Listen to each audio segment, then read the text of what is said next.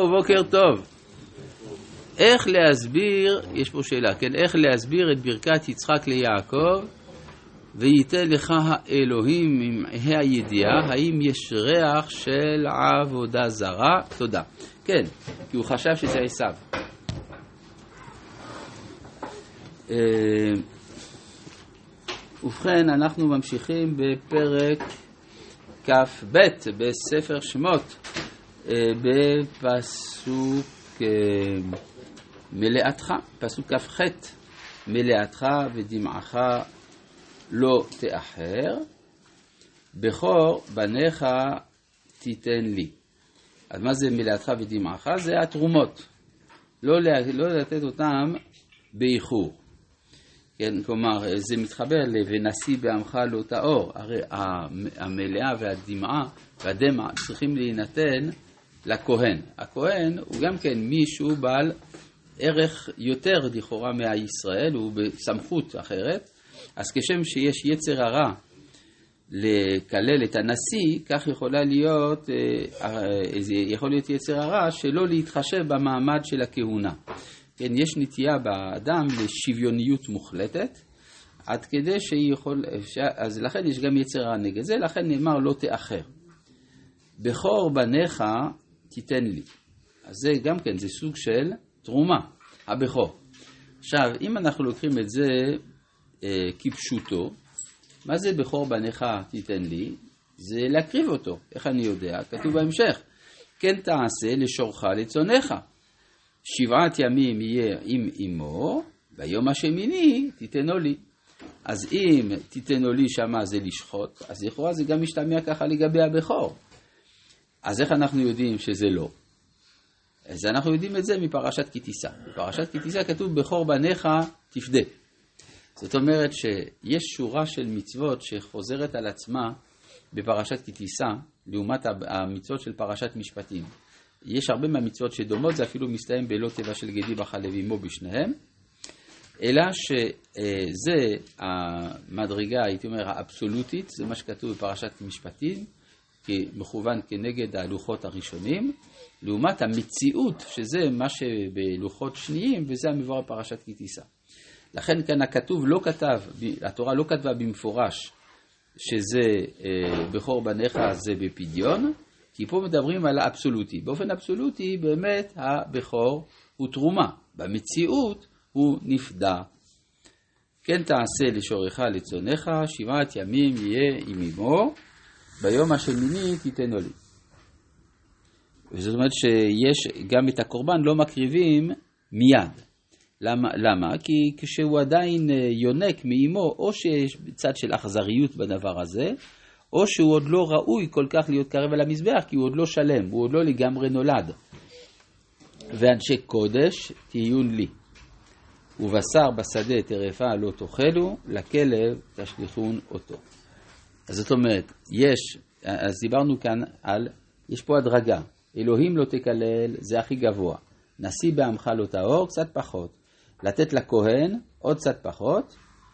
ו, וחוץ מזה, גם אתה במידה מסוימת קצת כהן, לכן אתה לא יכול לאכול בשר טרף, בשר שנטרף, ואנשי קודש תהיון לי. מצאנו דבר דומה בהלכה של מעשר שני, שמעשר שני בידי בעלים כתרומה ביד כהן, כך אומרת הגמרא. זאת אומרת שכל אדם מישראל, כך מסביר הרב קוק, הוא קצת כהן. אז מצד היותו קצת כהן, נוהגות בו הלכות הראויות לכהונה. למשל, בספר יחזקאל כתוב, כל נבלה וטרפה לא יאכלו הכהנים. אה, לכאורה, נבלה וטרפה, גם לא כהן אסור לו לאכול. אלא זה שאנחנו לא אוכלים, זה מצד הכהונה שבנו. עיקר, מעיקר הדין, איסור נבלה וטרפה נאמר לכהן ומתפשט על כל אחד מישראל. הפסוק הקודם, כן. אה, לפי הפשט זה נאמר על בכור או על כל בהמה?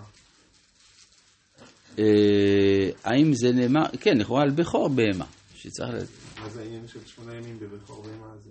כן, כלומר לא, לא מקריבים בכור בהמה מיד. זה גם אחרי שלושים יום, לא? גם אחרי שלושים יום. כן? לא יודע.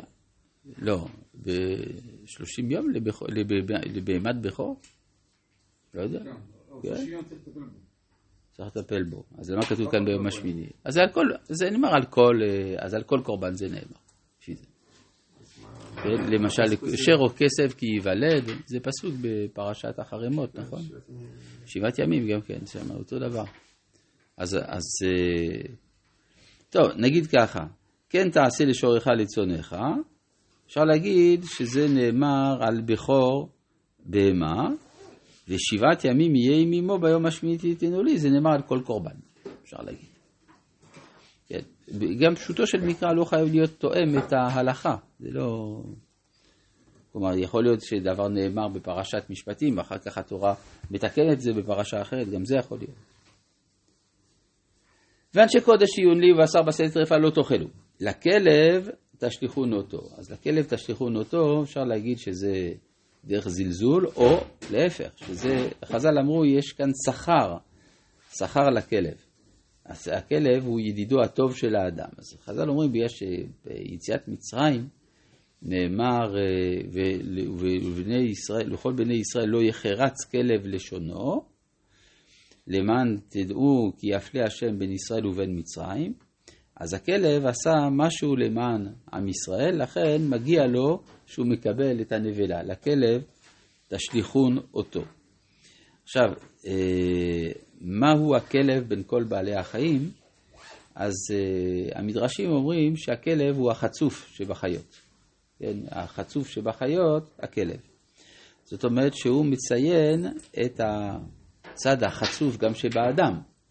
כן, חוצפה דעקבתא דמשיחא זה גם חלק מהמבנה של ההיסטוריה. זאת אומרת שיש לחוצפה תפקיד בעולם, התפקיד הזה הוא סמוי, אבל הוא בא לידי ביטוי בהלכה רומזת, של לכלב תשליכון אותו. כן. למה כתוב תהיון עם נון בסוף? למה כתוב תהיון ותשליכון בנון סופית? כן, שאפשר להגיד תהיו, או תשליכו. לא יודע. מה, כל דבר אני יודע? לא שאני יודע. אבל זה אז צורה שירית. מה? לגבי הכלב תשליכו, יש כזה דבר מעניין, שלפחות אתם לא מפסידים, עשיתם מצווה, נתתם לכלב. אה, יפה, יפה. זה, אין פה אה, עוד תשחית. נפלא. כן. לא מצד תיס... אחד הרב, השאלה היא, אמרת על הכלב יש לו חוצפה. כן. ואומרים שכלב כולו לב. אז איך זה מסתדר?